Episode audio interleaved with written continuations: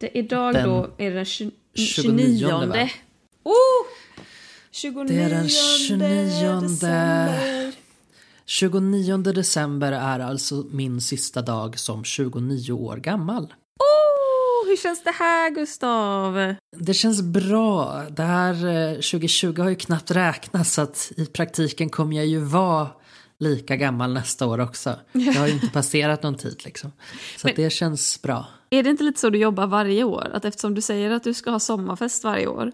I alla år, jag har känt det i alla fall. Och sen har det inte blivit någon sommarfest. Alltså du, är- för, för mig är du ju fortfarande 23 typ. Ja, ja, faktiskt. Den där sommarfesten, alltså, det är fem år sedan jag hade det senast. Eh, och har tänkt att jag ska göra om det.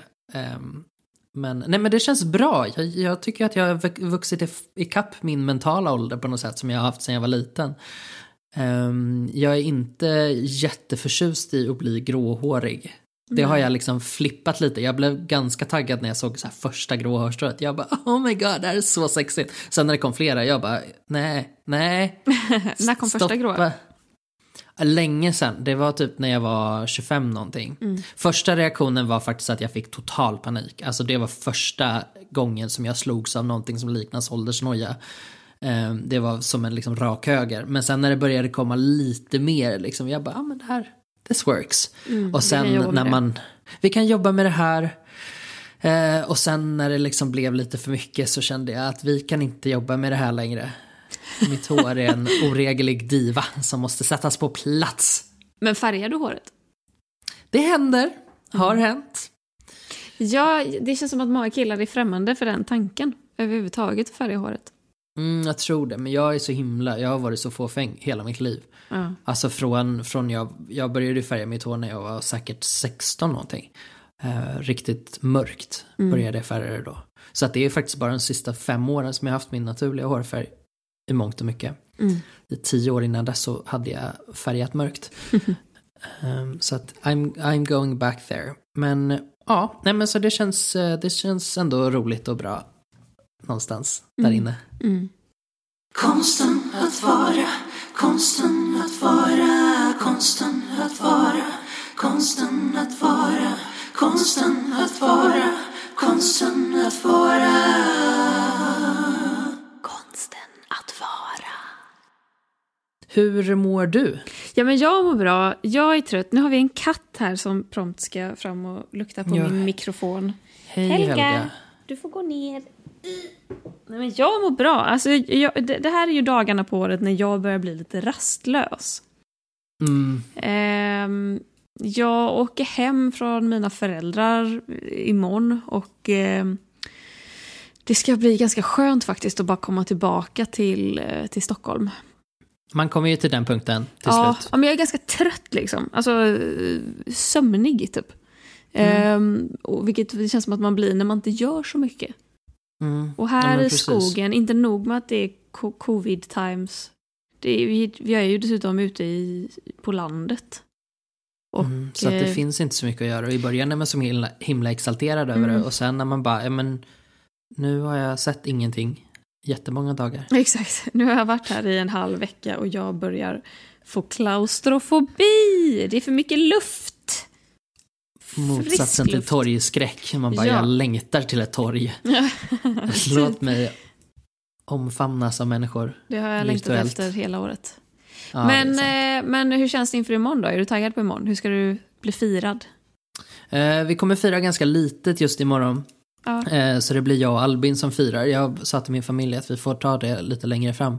När eh, eh, ah, C-ordet inte härjar lika intensivt.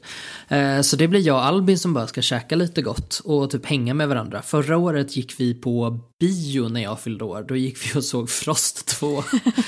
Eh, ehm, eh, så ja, jag har, jag har väl hintat om att jag gärna skulle göra om det igen. Mm. Eh, bara gå och liksom sitta och chilla i en, i en biosalong i någon timme kan vara nice. Det finns ju några få som är öppna fortfarande. Eh, alltså riktigt små salonger med, ja, det, det blir inte mer än, än åtta pers då. Eh, jag tror att det är liksom 20 som är maxkapacitet när det Mm. inte är pandemi. Det låter ju jättemysigt. Mm, ja men jag tycker ändå det känns bra. Och sen så då, bam bam bam, sång, sommarfesten blir i nästa sommar. Men är det då tj- eh, 29-årsfesten eller är det 30-årsfesten? Nej, det blir, det blir 30-årsfesten faktiskt. Du kan ju Det typ ha det. en fest i månaden fram till sommaren. Alltså någon form av Ah. nedräkning. Mm, För alla men år det skulle jag kunna ha. Ja, det skulle jag ju kunna ha. Jag skulle ju kunna ha, det är lite svårt att samla folk så ofta, men jag skulle ju kunna ha ett online-event och bara skicka ut Facebook-inbjudningar till alla mina kompisar och alla bara, "Ah, vi vill inte. Men jag sitter hemma och bara, jag vet, jag vet att ni kan. Ni kan inte säga att ni har något annat för er. Jag vet att ni bara sitter hemma. Ja men gör det. Kom, vad kom på min virtuella fest. Ja. Om och om Har man, igen. har man inte sagt det hela pandemin på något sätt? Bara, vi ska ha Zoom-fest. Har man haft det? Nej, jag hade mitt första julquiz för en vecka sedan. Men det är det. Jag, har inte gjort, jag har inte gjort någonting på Zoom. Jag har inte ens Zoom-appen. Hur sjukt är det? Nej, nej, det har inte jag heller. Alltså, när jag säger Zoom-möte så syftar jag på själva fenomenet. Det som de har, alltså de har ju rebrandat videosamtal så hårt. För på min tid var det ju att skypa. Ja, exakt. Och det säger ju ingen, längre. Så ingen gör oavsett någonting om du Skype. använder Zoom. Så, för, för jag har aldrig använt Zoom i mitt Nej, liv. nej. Och ändå säger jag Zoom-möte. Mm. Men jag har faktiskt haft några sådana såna grejer liksom. Eh, Men mest umgänge med max typ två personer. För att jag tar restriktionerna på allvar, skoja.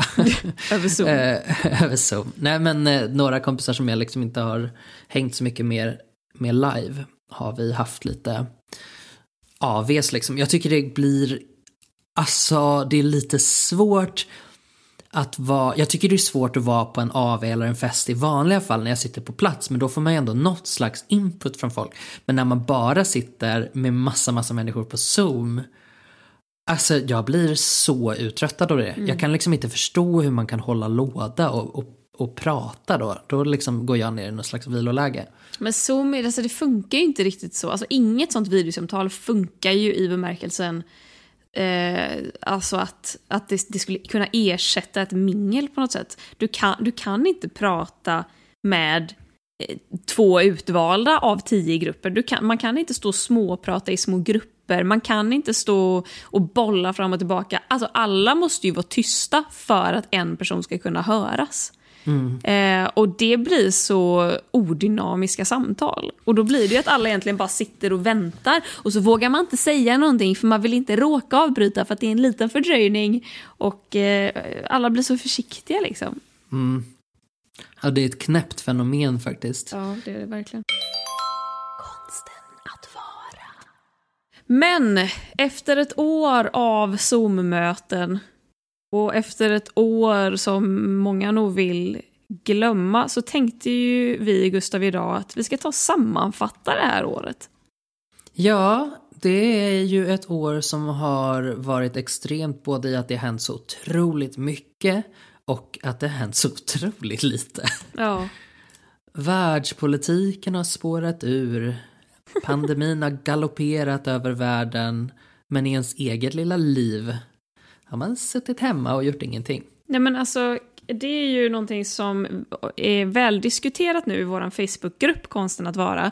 Det faktum att jag tydligen sa i ett liknande avsnitt förra årsskiftet att jag önskar att 2020 blir bra ungefär fram till mars. Sen, Ah, det sen, kan det gå, sen kan det gå hur som helst, men så länge det är bra fram till mars. Och det är ju något av det stördaste jag sagt uppenbarligen. Ja, och, s- ja, och vilken makt dina ord hade. Ja. Vem hade kunnat tro att efter universum bara watch me. Men det är ju faktiskt helt stört. Eh, jag tänker så här Gustav, att om det nu ligger en viss makt i, i saker vi säger i den här podden, då sparar vi det till nästa vecka. Eh, efter nyår, för då pratar vi om 2021 och blickar framåt. Men i det här avsnittet så blickar vi tillbaka på 2020 och pratar om det här gudsförgätna året. Och jag tycker att ordet eh, covid, corona och allt sånt, det, det är bannat från och med nu. Vi, vi pratar om allt förutom det. Ja, och, och dyker det upp då blipar vi det. Exakt, J- jättebra. Varsågoda, här får ni 40 minuter av lite respit från det där jävla ordet. Men då skulle jag vilja fråga dig Gustav, då, hur har 2020 varit? Kan du ge oss en, en kort sammanfattning av ditt år? Det har varit långt och kort på samma gång. Jag har eh, jobbat mycket med mig själv som människa. och tycker att jag har lyckats ganska bra med det. Eh, 2020 har varit tungt och svårt men det hade kunnat vara värre för min del. Eh, hade det här hänt med den här isoleringen och grejer eh, ett annat år så hade jag nog tyckt att det var mycket, mycket, mycket svårare än vad det har varit nu. Eh, och de guldkorn jag har från 2020 är minst lika fina som jag har haft andra år och kanske ännu viktigare liksom. Eh, Så 2020, ett år jag aldrig glömmer men eh, ett, ett år jag gärna glömmer men aldrig förlåter. Ja. Hur, hur skulle du vilja sammanfatta ditt 2020? Ja, men lite likt. Alltså, jag har 2020, eh, det har verkligen som du säger varit ett, världens längsta och kortaste år på samma gång. Man har gjort så lite och tiden har bara sprungit iväg. Och ehm, jag tror, eh, jag, jag har nog inte haft mitt bästa år måendemässigt. Jag har haft eh, konstiga dalar det här året, men det har väl väldigt många haft eh, som inte brukar ha det. Sen har jag haft typ uteslutande roliga jobb. Och det är jag väldigt glad och tacksam för. Och jag, det är som att man ser tillbaka på hur det var i mars där när alla ens jobb bara ställdes in över nästan en natt. Och sen hur de sakta kom tillbaka en efter en. Och jag kan vara så himla tacksam att jag har haft jobb. Och att jag har nog haft ett av mina bättre år. Känns det som. Vilket är helt sjukt. Så att jag tror att eh, jag har... Eh, Ja, jag är villig att, eh, att glömma det här året och gå vidare. Men jag är tacksam för allt jag har fått göra det här året. Mm. Jag fattar det. Har du något särskilt minne som sticker ut? Absolut. Mitt bästa minne 2020 är ju när The Mamas vinner Melodifestivalen. Det är liksom, det är så mycket gåshud och eufori och jag minns så tydligt hur vi satt där i Friends Arena och att det var ju också det sista stora eventet som var. Att vi redan då diskuterade, vad, nej, eller snarare, nu tänkte jag säga att vi diskuterade att vad sjukt att vi får samla så många in i Friends Arena, Sveriges största arena. Men egentligen, nu när jag tänker efter, det vi diskuterade var ju snarare, hö, hö, vad sjukt att Danmark kör sin mello utan publik. Att det var det sjukaste som kunde hända. Ah, Se på oss nu. Se på oss nu. Nej men där var vi, jag vet inte hur många som går in i Friends Arena när de, ja, men säg att vi var 60 000 pers liksom som stod där och att, att man bara såg typ en av sina absolut närmaste, Melanie och Patrik och Herman som har skrivit låten. Eh, att man bara ser dem sitta där borta i green room och man bara vet, alltså man bara vet i hela kroppen att det spelar ingen roll vad media säger, det kommer gå så jävla bra för den här låten. Man har vetat det hela vägen, man har bara tänkt att den har fan vinnarpotential. Alla man snackar med älskar den här jävla låtjäveln, men det kan, liksom, de kan ju komma två efter Dotter och sen så ropar de ut att Dotter har fått en poäng mindre än The Mamas så det betyder att The Mamas vinner och att man bara, alltså vi bara stod och skrek. Jag tycker ju synd om alla som satt runt omkring oss i den där jävla arenan. Alltså vi bara stod och gallskrek, typ sex pers på rad. Och eh, det- var ju helt, det var ju inte ens jag som vann. Men man var så, man var så himla glad. Det är nog mitt bästa minne. Ja, jag förstår verkligen det. Move har ju varit min mest spelade låt under 2020 faktiskt. Min med! Ja, den rullade så varmt, du vet. När Spotify Wrapped kom och jag var så här, Ja. det är bara The Mamas. Det är liksom varenda så här. Du började lyssna i ja, februari eller mars eller när det var. Och så gick den liksom igenom hur, hur många gånger jag hade lyssnat och jag bara, det här är typ pinsamt. Men eh, hoppas att de fick lite stimpengar.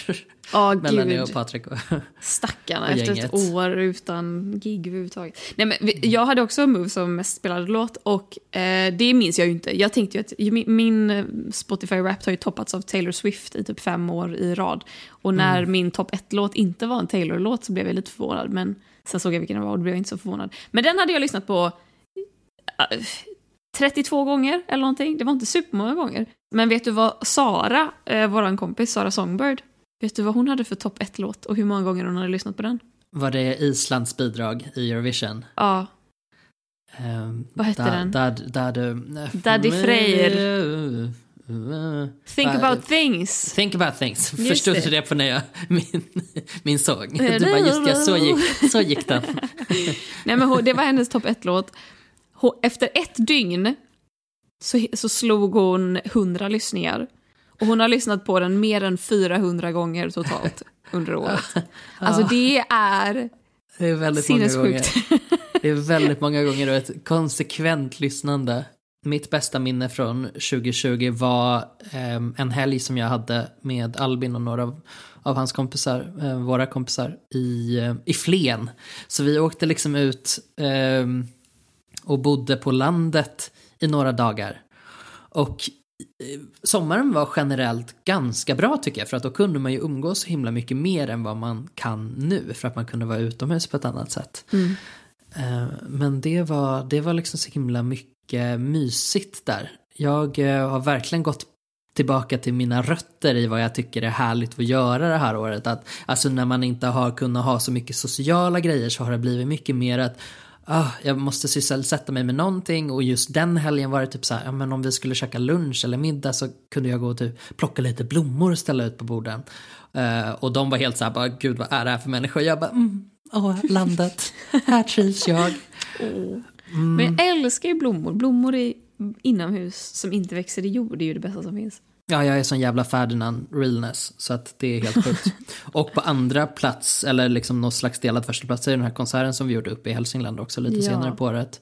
Som var helt eh, bisarrt kul emellanåt. Att så här, shit vad sjukt det är att att jobba tillsammans med eh, de tre som jag gjorde den med. Och man liksom bygger ihop det här som ett pussel. Vilka låtar ska vi ha? Hur ska de låta? Vilka stämmor ska vi lägga? Var ska du prata någonstans i, i konserten och vad ska jag göra det? Och, och, och liksom det har betytt så himla mycket det här året.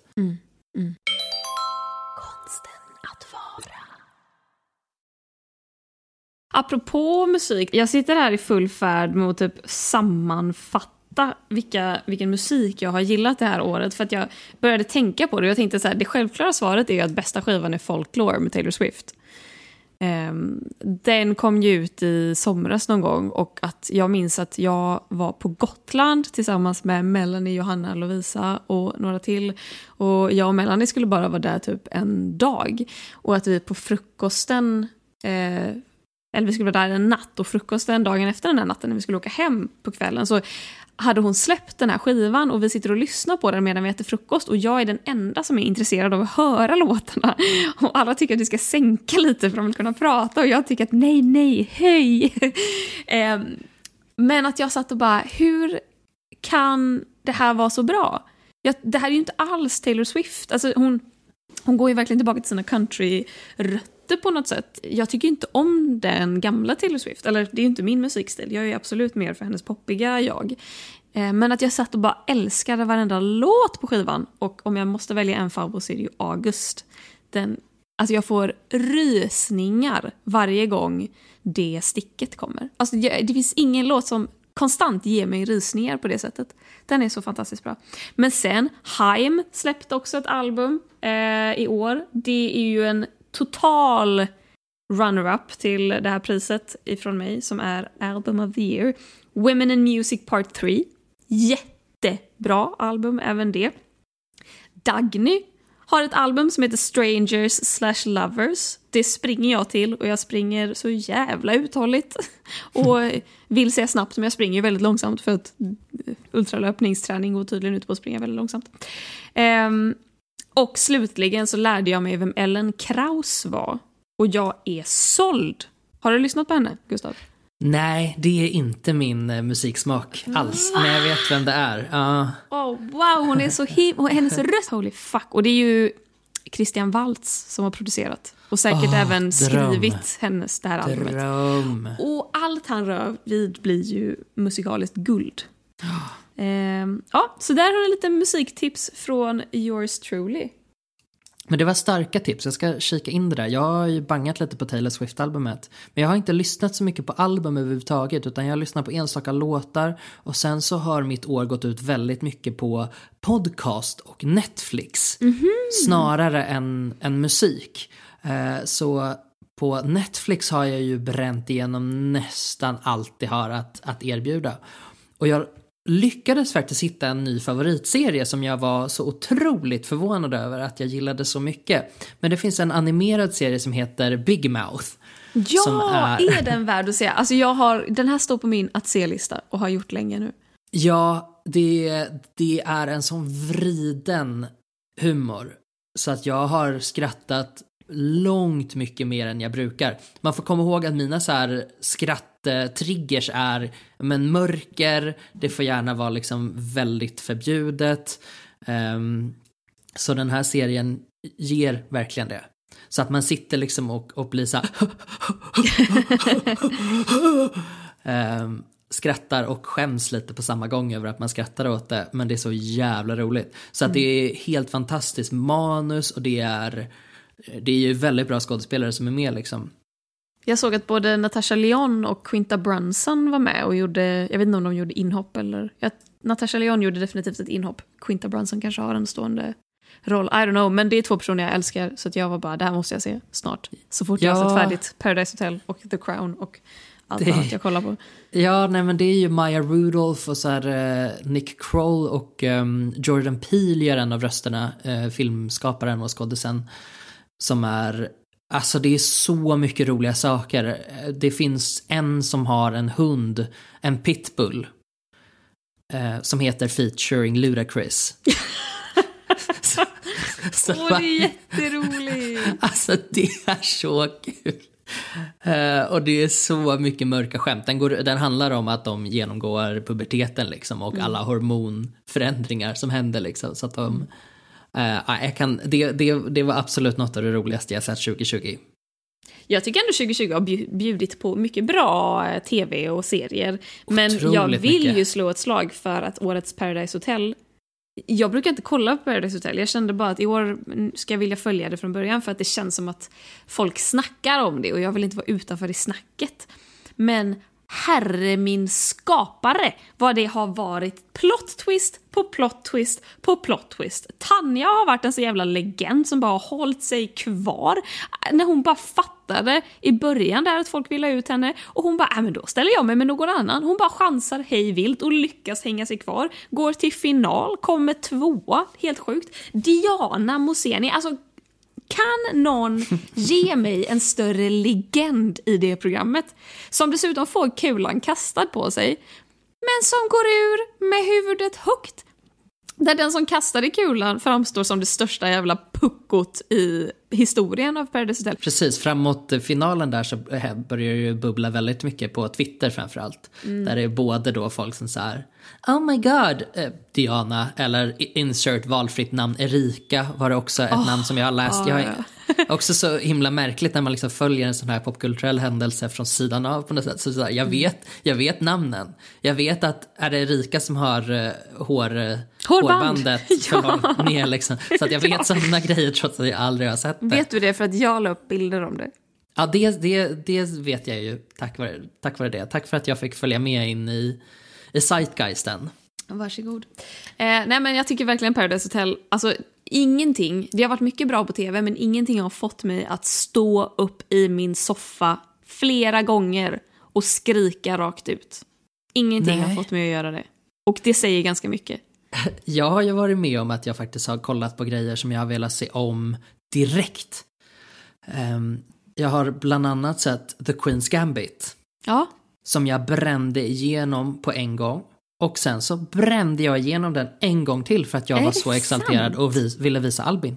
Jag bara, vet du vad, jag kan titta på den här igen. Den här är så pass bra. Så att jag, jag, jag ser den jättegärna. Den och uh, Funny Girl, uh, filmen med Barbara Streisand vi pratade om för några ja. avsnitt sen. De har jag sett om flera gånger. jag tror att jag, jag kanske har sett om Funny Girl en gång till. Det är ju bara en film liksom och inte en hel serie. Ja. Uh, tre gånger har jag nog bränt igenom den på de sista två månaderna. Shit, ambitiöst. Ja, men framförallt så himla roligt att bli så berörd av det. Mm. The Queen's Gambit är ju en serie som jag kan rekommendera till varenda människa. Det är så. Vad var det som fick dig att bli så tagen av den då? Den är... Åh oh, gud, jag vet inte hur jag ska förklara det. Den är bra. Mm. Alltså det finns... det finns inte en specifik sak som gör den så bra utan det är dels att skådespelarna är fantastiska, manuset är fantastiskt, plotten är något man aldrig har sett för. Man tror inte att schack ska kunna vara spännande överhuvudtaget. Och sen sitter man ta med fan där och biter på naglarna ändå. Och äh, jag tycker att den, äh, den, den var riktigt nice och det var en väldigt spännande huvudkaraktär, kvinnlig huvudkaraktär. Eh, som kändes så unik och egen. Så att det, det är fan också något av det bästa som har hänt 2020. Inte bara i tv-väg utan överhuvudtaget. Gud vad spännande. Jag, jag, eh, jag tyckte den var visuellt väldigt tilltalande. Att det är vackra färger, miljöer, eh, det här 60-tals eh, skimret över det hela tyckte jag var skitsnyggt. Men jag, tyck, jag köpte inte riktigt karaktärerna faktiskt. Du gjorde inte det? Nej. Nej, för jag tyckte... Jag håller helt med om att, att, att göra schack, för det första begripligt. Alltså, dels att du fattar vad det handlar om, men också att du behöver inte fatta reglerna för att tycka att det här är spännande. För att det kretsar ju mycket kring de här spelen. Ehm, det tyckte jag var jättebra, att man kan ha det som main plot på något sätt. Men jag tycker ju inte om den här skådisen som spelade han i läderrock och hatt. Nej, Han som nej, skulle vara heller. lite, Nej. lite svår kille och, och Men det var också schackmästare. Man bara, du ser ut att vara var felkastad. 12 och ett halvt. Men alltså 100 Det här ska ju vara en, en hunkig kille. Han ska ju vara det här monstret. Sexig. Sexiga, mörka, åtråvärda. Men så är det en tanig liten 13-åring ser det ut som, fast han är ju 30 i verkligheten. Vilket bara i sig är helt sjukt att Ja. han är. Han, Men- var ju, han var ju typ 15 när de spelade in Nanny McPhee eller någon film som han var Oj, med i. oj, oj. Och ser alltså ut som ett spädbarn. Ja. Nej, och typ, jag tyckte också, jag tycker skådisinsatserna är bra, men jag tycker det är så givet att det är män som har skrivit den här serien.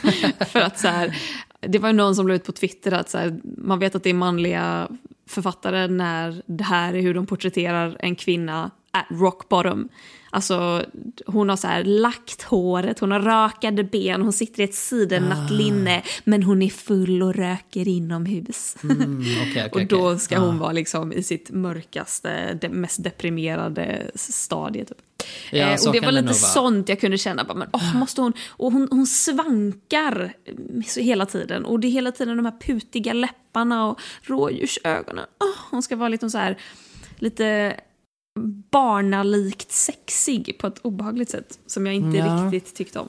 Jag, eh, lyssn- eh, jag som i vanlig, i vanlig ordning så har jag lyssnat mycket på intervjuer med skådespelarna och skaparna av serien och hon har förklarat det beteendet med att hon spelar en kvinna som aldrig har lärt sig vara kvinna eller inte vara sig själv liksom så att hon använder sig av överdrivna uttryck. Så att man ser hur typ hennes gång förändras allt eftersom tiden går. Och att hon blir liksom mer och mer pimpinett typ.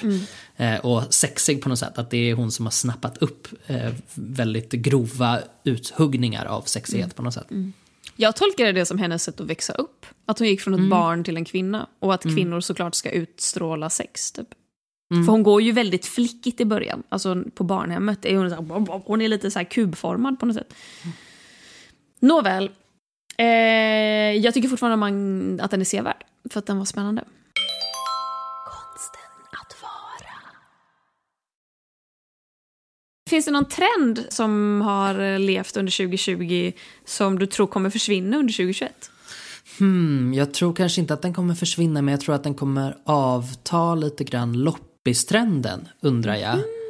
Ehm, hur, hur den kommer fortsätta. Och kanske att eh, trenden med att eh, skapa eget kommer bli större och större. Det här med att folk sitter och klipper och klistrar och lär sig brodera och lär sig virka och så. Det tror jag kommer, kommer öka. Intressant. Jag hoppas ju att trenden att nätshoppa slutar. Ja. För jag tror, helt ärligt, under dessa tider när vi har suttit hemma väldigt mycket så har det blivit mycket nätshopping. Och folk har unnat sig saker och folk har köpt grejer. Och jag eh, tänker att måtte 2021 bli året då vi inser hur värdelöst det är för miljön att köpa nya saker. Och att vi kan köpa lite mer begagnat istället. Att, vi, alltså, att på allvar gå in för loppistrenden i så fall. Vi kanske inte behöver visa upp dem, liksom, men att vi, att vi verkligen inser vilket eh, fotavtryck vi lämnar efter oss när vi hela tiden köper nya grejer. Ja, jag hoppas ju att ehm, Blocket och det sättet att shoppa på blir Mm. lite mer, ännu mer etablerat liksom. Att det går väldigt lätt att sätta en notis på Blocket till exempel. Mm. Där man märker det med vissa aktörer nu att de börjar eh, lansera väldigt mycket prisjämföringsgrejer. Liksom att man ska kunna skriva in en produkt som man väntar på. Och så får man en liten notis som säger att nu är den här prissänkt så nu kan du shoppa den. Och det kommer ju bidra till att man shoppar mer. Men man kan göra precis samma sak på Blocket eller på Tradera. Man kan ju hoppas att det tänket blir lite mer aktuellt för människor. Mm, Att det är, så här, det är lugnt, du kan vänta två veckor, den kommer dyka upp. Det kommer vara någon som vill bli av med den här grejen och då kan du köpa den. Har du läst att eh, av alla resurser som världen har lagt på covid, eh, ursäkta ordet, eh, liksom åtgärder i år så hade det krävts en tiondel för att vi skulle nå upp till Parisavtalet. Mm, jag läste det. Det förvånar mig inte ett dugg. Det Nej! förvånar mig inte ett dugg. Det här är också ett sätt att hantera... Eh, vi ser ju att vi har resurserna. Så Men vi en kan grej inte som tjäna vore... pengar på det och därför är Nej. det... Alltså nej men vi kommer alla, vi kommer alla dö. Det börjar sakta sakta sjunka in hos mig. Jag får panik. Mm. Nåväl, vad, vad är vi trötta på då efter 2020? Alltså vad, vem eller vad kan vi säga? Okej, men So spill the tea. spill the tea och jag kommer säga någonting uppenbart och det är Trump. Mm. Eh, för jag är trött på det. Det är inte bara att jag typ tycker att han är lite jobbig, utan jag är trött på hela den retoriken. Jag är jättetrött på hur åsikter värderas som fakta. Mm. Det tycker jag är någonting som vi ska lämna bakom oss till 2020. Alltså det är som, som du vet, anti-vaxxers. Som bara, men jag tycker att det viktigaste är att mina barn har det bra. Man bara, men alltså det, det, är inte, det är inte ett argument. Eller jag, Nej. förstår, jag förstår inte vad du menar nu. Ehm, så det, det hoppas jag um, slutar liksom. Och Trump då som är galjonsfiguren för hela det beteendet. Mm. Verkligen. Vad är du trött på? Eh, mycket. Eh, det mesta, to be honest. Eh, Same girl. Jag tror, ja, men jag tror att så här, någonting jag är jävligt trött på som jag vill lämna bakom mig. Eh, det är ju dels då människor som, om, om jag går in på samma spår som du då, människor som tar sig rätten att kritisera forskning när de själv inte är forskare. Alltså självklart ska all forskning kritiseras av människor med kompetensen att kunna kritisera forskning. Det är så vi kommer framåt. Men om gemene man sitter och ska eh, totalrata det nya vaccinet för att de vill veta vad, liksom, de tror inte på det för att man eventuellt kan få biverkningar som huvudvärk. Snälla, alltså människor. Gå en utbildning i liksom biomedicin så kan vi snacka sen, men om du inte har det då... Åh, stopp! Det lämnar vi bakom oss. Och sen tycker jag också, har du sett på Twitter att det har blossat upp nu? Det, det är ju helt stört vad vi har prediktat framtiden på nytt. Men nu sitter ju folk och diskuterar vad som är feminism och vad som inte är det. Och så hävdar de ju att surrogatmödraskap och Onlyfans, det vill säga när unga tjejer typ viker ut sig själva för betalande gubbar, att det skulle vara feminism. Mm, man har, man, åh, vad tacksam man ska vara för möjligheten att vika ut sig på nätet. Nej men alltså... Tack suffragetterna, det gjorde ni bra. Jag blev helt galen och det var någon, någon så här eh, unga moderaterna-person som skrev typ att så här, eh, feminism är en stat som skyddar kvinnor som typ viker ut sig. Och man bara ja, alltså det kan jag hålla med om. Vi, vi, I grund och botten måste vi ju skydda kvinnor för att kvinnor tvingas ta de här drastiska valen som, som, där folk utnyttjar dem. Men det är ju inte utnyttjandet vi ska skydda, det är ju kvinnorna i så fall. Vi kan ju inte stå här och hävda att allting som har med kvinnor att göra är feminism.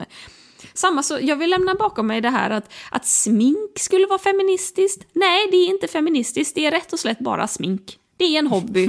Det är någonting du kan sätta i ansiktet. Men bara för att det är mestadels tjejer som håller på med det så behöver det inte vara feministiskt. Alltså, kan vi, kan vi, kan, kan vi vara lite konkreta och lite slagkraftiga istället för att säga att jag gör precis vad jag vill och det är feminism för mig.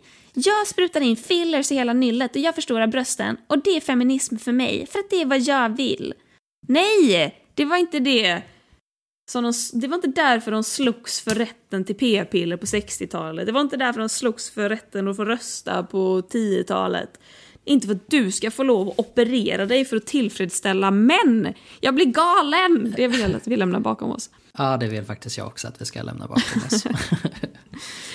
Vad har vi skrattat mest åt 2020 då? Uh, jag måste ju säga att Big Mouth har jag skrattat jättemycket åt, serien som mm. jag nämnde tidigare, Netflix-serien. Men jag har också skrattat otroligt mycket åt en särskild video på Instagram. Eh, det är så specifikt, men det här alltså, du vet när man bara hittar någonting och man loopar det. Loopar, ja. loopar, loopar. Um, och det är en kille som heter Martin Rede Nord mm -hmm. som gör en video där han mimar, alltså TikTokar till en Liza Minnelli-låt och slänger typ sina mediciner i soptunnan och sen så typ ger sig ut på stan endast iförd en eh, fjäderboa. Och det, alltså jag har spelat den här om och om och om och om igen. Det är det roligaste jag vet. Kan dela den i vår Facebookgrupp när, när avsnittet kommer ut. För att det, alltså jag ja, kan inte minnas när jag skrattade så mycket. Jag längtar tills den läggs i Facebookgruppen. eh, jag har ju skrattat något så otroligt mycket åt Sofia Dalén på Instagram. ja. Om ni inte redan följer Sofia Dalén så gå in och gör det. Att Sofia Dalen. Hon gör ju de här karaktärerna, eh, däribland eh, Vendela, Vendela från Stockholm, som inte vet att Jönköping är en stad och som liksom, vars största problem är att hon har råkat tappa bort sin eh, mammas ärvda pärlhalsband och eh, hur hon inte förstår varför andra föräldrar inte bara köper lägenheter till sina barn så att de ska slippa hyra i andra hand, för det är ju så osäkert. Eh, jätteroligt. Hon gör också en Jönköpings mamma en sån här klassisk instamamma som har två barn som heter, vad fan heter de? Texas Tindra. Och, nej, Texas och Tuvalu. Tuvalu men alltså hon är så rolig! Och det är, hon är så slagkraftig i sina punchlines.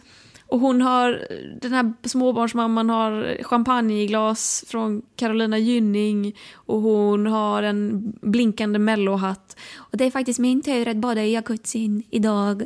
Gubben, kan, du, kan inte du gå ner i, eh, i, eh, i, vad heter det när man har en nedervåning som är en källare fast den är inredd? Gillestugan.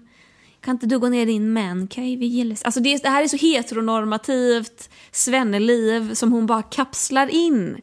Hennes video om McDonalds-rösten var också alltså, något av det roligaste jag såg. Oh. 2020. Ja men Sofia ja. Dalén och eh, Martin Rede Nord. Eh, starka Instagram-tips. Tack för skratten. Tack. Konsten att vara.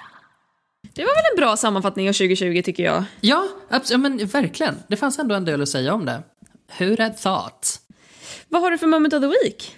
Mitt moment of the week är kort och gott herregud vad har hänt med min skärmtid? Vad är det jag håller på med? vad gör jag av mitt liv? Eh, de här små notiserna man får det så här, din skärmtid ökade med um, de, eller det kanske man inte får på Android. På iPhone får man en eh, liten Jag kan välja om notis. jag vill veta det eller inte.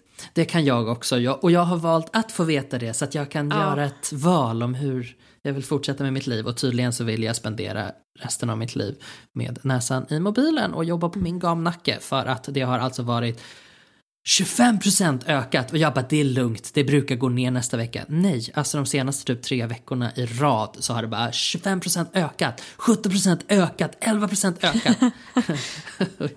Eh, och jag mår piss. Ja, det finns ingenting jag skulle vilja veta mindre än min skärmtid. Faktiskt. Jag hade fått ångest och Ja, men, panik. och folk frågar mig, vad gör du på mobilen? Jag bara, ja, vadå gör? Scrollar, hallå? scrollar. Have you Ja. heard of Ja. SOSMED? Och när jag är klar med en app, då går jag vidare till nästa app. Mm. Strunt samma om jag har kollat den alltså fem minuter tidigare. Jag ska in och scrolla ändå. Kan du också Så min- få den här känslan i bröstet av att när man har, när man har scrollat Instagram tills man har liksom nått botten på något sätt, man har läst alla meddelanden, man har gjort allting på Instagram, då byter man app till typ, säg Twitter, så scrollar man tills man, kommer till någonting man redan har läst, sen går man till mejlen, kollar allting är läst, sen går man tillbaka till Instagram. Och så har man redan sett det som ligger i flödet och så får man det här lilla, lilla suget i magen av den här nästan svindlande känslan av att men vad ska jag titta på nu då? Ja. Och, så, och så är det som att jag blir nästan lite åksjuk för att här börjar jag ju scrolla igen. Och jag har redan sett det här. Jag har redan varit här inne. Jag borde göra någonting annat. Det här är den främsta påminnelsen om att jag borde göra någonting annat. Men ändå sitter jag här. Ja, och det här är ju det som alltså, forskning också säger är typ det sämsta sättet man kan använda sociala medier på. Mm. Alltså bara scrolla. Du kan använda sociala medier och må bra, men då måste du vara aktiv och engagera dig med folk. Mm. Men att bara sitta och scrolla är liksom, är det inte bra. Nej, fy fan vad jobbigt. Men ja, ja, det är en av mina laster. Jag eh, planerar inte att eh, förändra den i första taget faktiskt. Nu får det vara så. Nej, du får unna dig Ja, jag, jag unnar mig den. Har du ett moment? Absolut har jag det. Jag var på apoteket och köpte öronrens, Gustav. Mm. För jag har nu tänkt i flera veckors tid att jag hör så jävla kast. Och jag tror generellt att jag har lite nedsatt hörsel. Eh, jag tror att min hörsel är lite sämre än gemene mans. Men så har jag börjat fundera på senaste tiden om det kanske beror på att jag har vaxproppar. Så jag var inne på apoteket, jag köpte mig en liten olja och en liten sån pip, som man, en liten pipballong som man ska rensa med vatten sen efteråt. Och så gick jag hem och så la jag mig på soffan och droppade 20 droppar i ena örat. Och så väntade jag en timme. Och när den timmen hade gått så gick jag till badrummet. Så vände jag på huvudet och ut kommer absolut ingenting. Nej men alltså det var det största antiklimaxet av 2020, Gustav. Ja, Men man hade väl hoppats på att det skulle vara någonting där, någonting som, som gav en lite äckel och Ja. fascination för sin egen kropp. Ja, jag förväntade mig en ärtformad klump av gult. Men nej, det kom ingenting. Alltså det rann ut vatten och jag spolade och, och för alla nu som kommer skriva till mig och bara Man ska faktiskt inte stoppa in saker i örat, man måste vara jätteförsiktig, bla bla bla. Jag var jätteförsiktig, jag har aldrig varit försiktigare i mitt liv, vill jag ju säga. Eh, så jag rensade och sen tog jag en tops och jag har haft så himla mycket öronvax på sistone. Så jag tog en liten tops och skulle jag torka upp det överblivna vattnet för man gillar ju inte att ha vattenkänsla i öronen. Men då kom den topsen ut och var helt ren. Så någonting har det ju gjort. Ja. Alltså, jag tror att det säkert har löst upp vaxet på något sätt och så har det väl runnit ut med vätskan. Och så gjorde jag det i båda öronen och nu känner jag mig faktiskt lite renare på något sätt. Mm. Ja men vad bra. Så, ja, Ändå en Jag vill- silver lining. Ja, fan man vill ju ha den här känslan av när man klämmer en riktigt bra finne typ. Att det kommer ut grejer. Det vill ju jag ha. Att det skulle vara en jävla flodvåg av vax som kom ut ur öronen. Och det fick jag inte. Men, men jag känner mig ganska glad ändå faktiskt. Ja, jag är glad för din skull. Tack!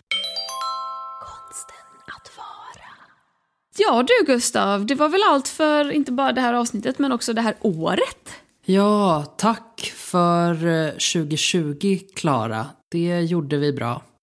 Tack själv Gustav och eh, tack för ditt år som 29. Tack för ditt år som 20-something! Yes! Ja, nästa gång vi hörs så är du eh, 30-åring och jag är fortfarande i mina 20 år. Ah, då är jag en mogen man. Wow. Men innan vi lägger på så ska vi tacka våra patreons också. Ja, alltså tack till alla som supportar oss på Patreon. Det kan du som lyssnar också göra om du inte redan gör det. Det finns en mängd olika dollar som man kan välja mellan. Men ni som ger 10 dollar, alltså vår högsta nivå, ni är kavgudar och ni ska vi ju såklart shoutouta i podden som vi alltid gör.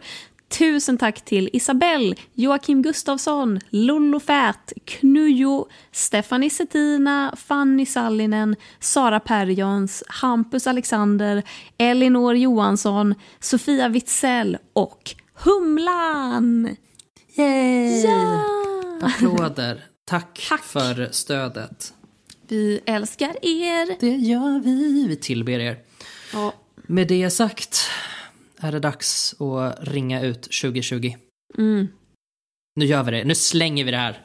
Det är alltid lite, lite så här... eh, Det här är ett ord jag alltid glömmer av. Vad heter det när man tittar tillbaka? Man blir lite...